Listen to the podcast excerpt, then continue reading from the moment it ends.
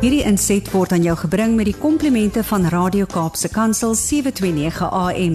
Besoek ons gerus by www.cape pulpit.co.za. Baie baie welkom by nog 'n insetsel van Leefse Geestesgesondheidsprogram. My naam is Gerda Kriel, kliniese sielkundige van Somerset Wes.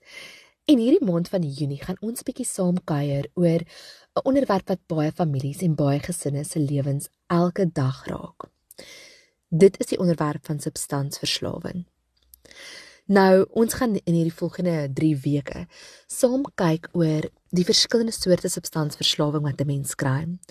Ons gaan ook kyk na wat die behandelingsprotokolle of moontlikhede kan wees vir iemand wat verslaaf is aan enige vorm van 'n substans, 'n dwelmmiddel of alkohol of selfs medikasie.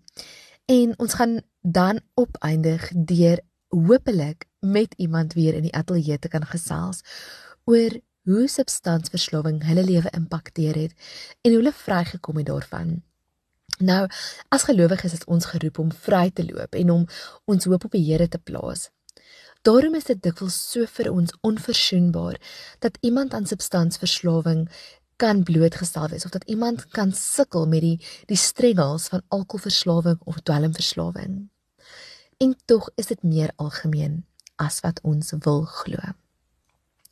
Sien substansverslawing is wanneer iemand aan 'n vorm van 'n substans wat hulle gedagtes en hulle die werking van hulle brein op so 'n manier verander, verslaaf raak en nie daarsonder kan lewe nie.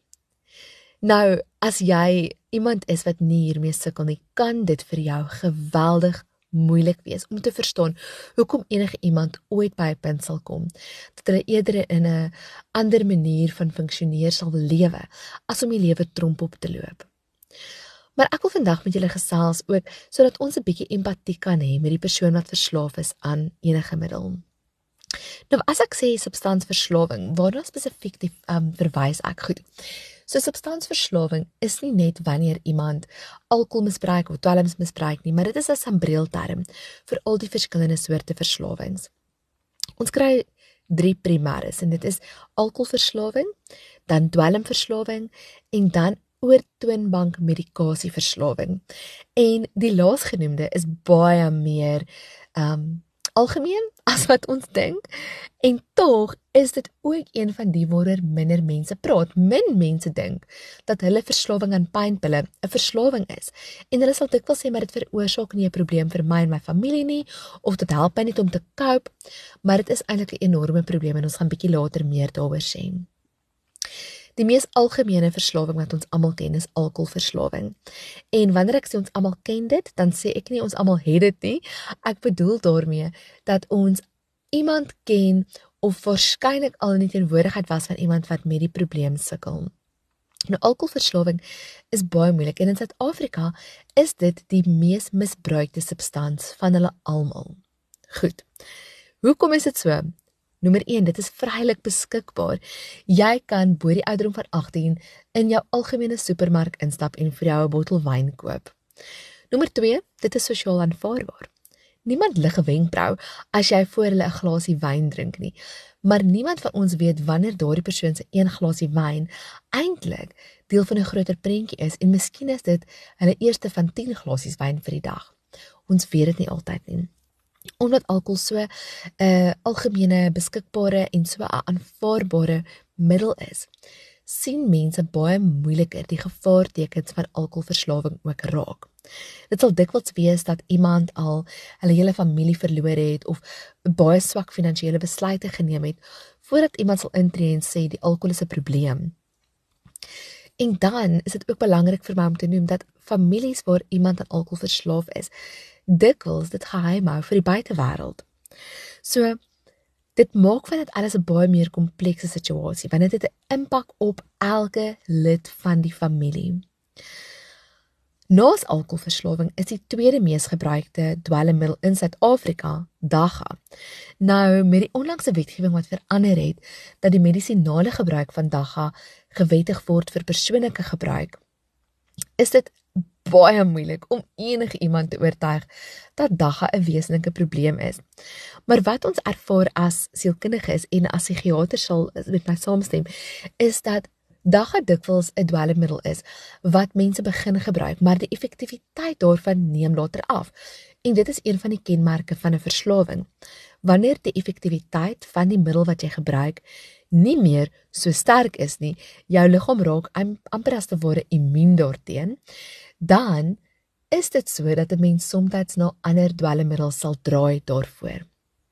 Die ander kant is ook waar dat 'n dwelm um, dagga is byvoorbeeld um, 'n ongereguleerde middel. So met ander woorde, daar is nie baie goeie navorsing daarop gedoen in Suid-Afrika en jy kan nie die vlakke van THC wat die psigoaffektiewe of wat die psigoaktiewe um, middel daar is kan ons nie meet nie. So jy weet nie of die dagga wat jy vandag um, gaan rook jou 'n bietjie hoog of baie hoog gaan maak nie. En dan is daar natuurlik absolute tragiese gevalle waar jong mense na hulle eerste dagga gebruik heeltemal psigoties raak of in 'n absolute bipolêre manie verval. Dis ongelooflik raar, maar ek het dit al gesien gebeur en dit is een van die grootste tragedies dat 'n gesonde kind dwelm sal gebruik en van daar af kronies siek is vir die res van hulle lewe. Ek hoor dikwels die ander kant van die saak, mense wat dwelm, soos wat hulle sê, recreationally gebruik, met ander woorde vir hulle eie ontspanning, sal vir my sê dat um, dagga baie goed is.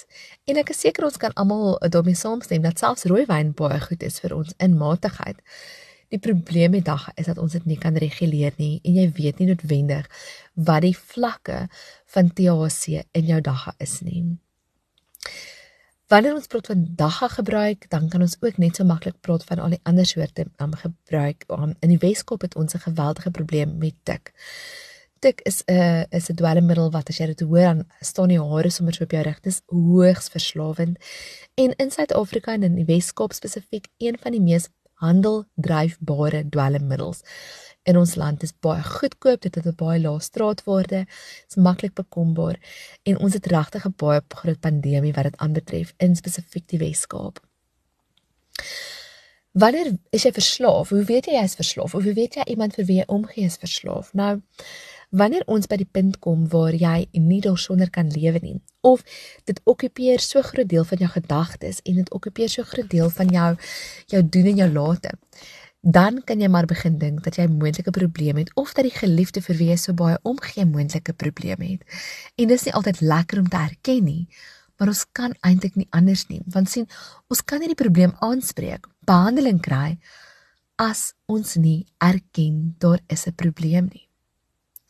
So as jy dwelms gebruik of enige substans gebruik, alkohol, dagga, dwelmmiddels, o en dan het ek natuurlik vergeet, ek het nagelaat om te praat oor die oor die toonbank medikasie. Nou sekere medikasies in Suid-Afrika wat jy vrylik kan koop oor die toonbank by 'n apteek is hoogs verslawend. Enige iets met kodeïne daarin. Ehm um, vir verander bietjie jou denke en maak jou brein so bietjie sag. Nou dit word vrylik voorgeskryf vir pyn in Suid-Afrika. En ons weet ook dat baie mense uiteindelik 'n soort van 'n sielkundige pyn ontwikkel om die gebruik van hulle um medikasie met die kodeïne in te ver, te regverdig en om dit aan te hou gebruik. Soos jou tramadol, trad, excuse jou, tramadols en tradazones en daai tipe dinge kan hoogs verslawend wees en dit is so belangrik as jy my vandag hoor dat ons medikasie altyd met oordeelkundigheid moet gebruik en net soos wat jou dokter voorskryf. En asseblief moenie na 'n tweede dokter toe gaan om jou voorskrif vol te maak nie sekere psigiatriese medikasies is net so belangrik. Um benzodiazepine is 'n tipe angsmedikasie wat vry wat um voorgeskryf word wat nie veronderstel is om vir langer as 2 weke gebruik te word nie. En tog is daar baie mense wat daaraan verslaaf is. Nou hierdie tipe verslawing is amper selfs meer aanvaarbaar um, vir meeste mense as alkoholverslawing omdat jy nie noodwendig dronk word nie. Ons het nie 'n woord daarvoor nie. Wat sê jy? Iemand is um hulle het hulle pilletjie gedrink um en hulle is bietjie snaaks, maar hulle gaan slaap miskien net of so. Maar meeste dwelmmiddels, alkohole, um dwelms eh, en enige vorm van medikasie wat jou sintuie bietjie verdof, word dit eintlik gebruik omdat iets in jou lewe dalk te swaar is vir jou om te dra en jy gebruik daardie middel om dit te verdof, om daardie pyn weg te vat. Dit help nie. Die middels maak die pyn dikwels erger op die langtermyn. Dit laat jou probleme vir 'n oomblik verdwyn, maar dit kom in volle vors terug wanneer jy droog is, van die dwelm af is of wanneer jy opstaan in die volgende oggend en jy besef dat dit dalk gisteraand baie lekker was, maar vandag is jou probleme in meelvuldigheid terug omdat jy ook nog moet leef met die effek van die substansgebruik in jou lewe. As jy sien dat jy 'n middel meer gebruik, meer en meer nodig het. Jy het byvoorbeeld altyd een glasie wyn gedrink en deesdae moet jy twee drink om dieselfde effek te kry. Of jy voel dat die middel wat jy gebruik jou nie meer soveel help as wat jou in die verlede gehelp het nie. Of jy word wakker in die aand of in die oggend in die dag, deur die dag terwyl jy met jou doen en late besig is en jy raak onverklaarbaar lus vir daardie middel waarna jy smag. Dan het jy baie moontlik 'n substansafhanklikheidsprobleem. Nou praat ons van substansgebruik en dit is die algemene gebruik van 'n substans. Byvoorbeeld om 'n glas wyn te drink is 'n substansgebruik. Substansmisbruik is om dit te gebruik tot die punt waar dit jou gedagtes so verander dat jy nie meer heeltemal in beheer is nie. Byvoorbeeld om dronk te word, is substansmisbruik. Maar substansafhanklikheid is waarop ons wil fokus, daardie afhanklikheid van 'n middel waar jy nie daarsonder kan lewe nie. En dit gebeur wanneer jy 'n psigologiese of 'n fisiologiese afhanklikheid het. Jy voel jy kan nie daarsonder lewe nie. Jy kan nie op jou eie kragte staat maak om op te hou nie.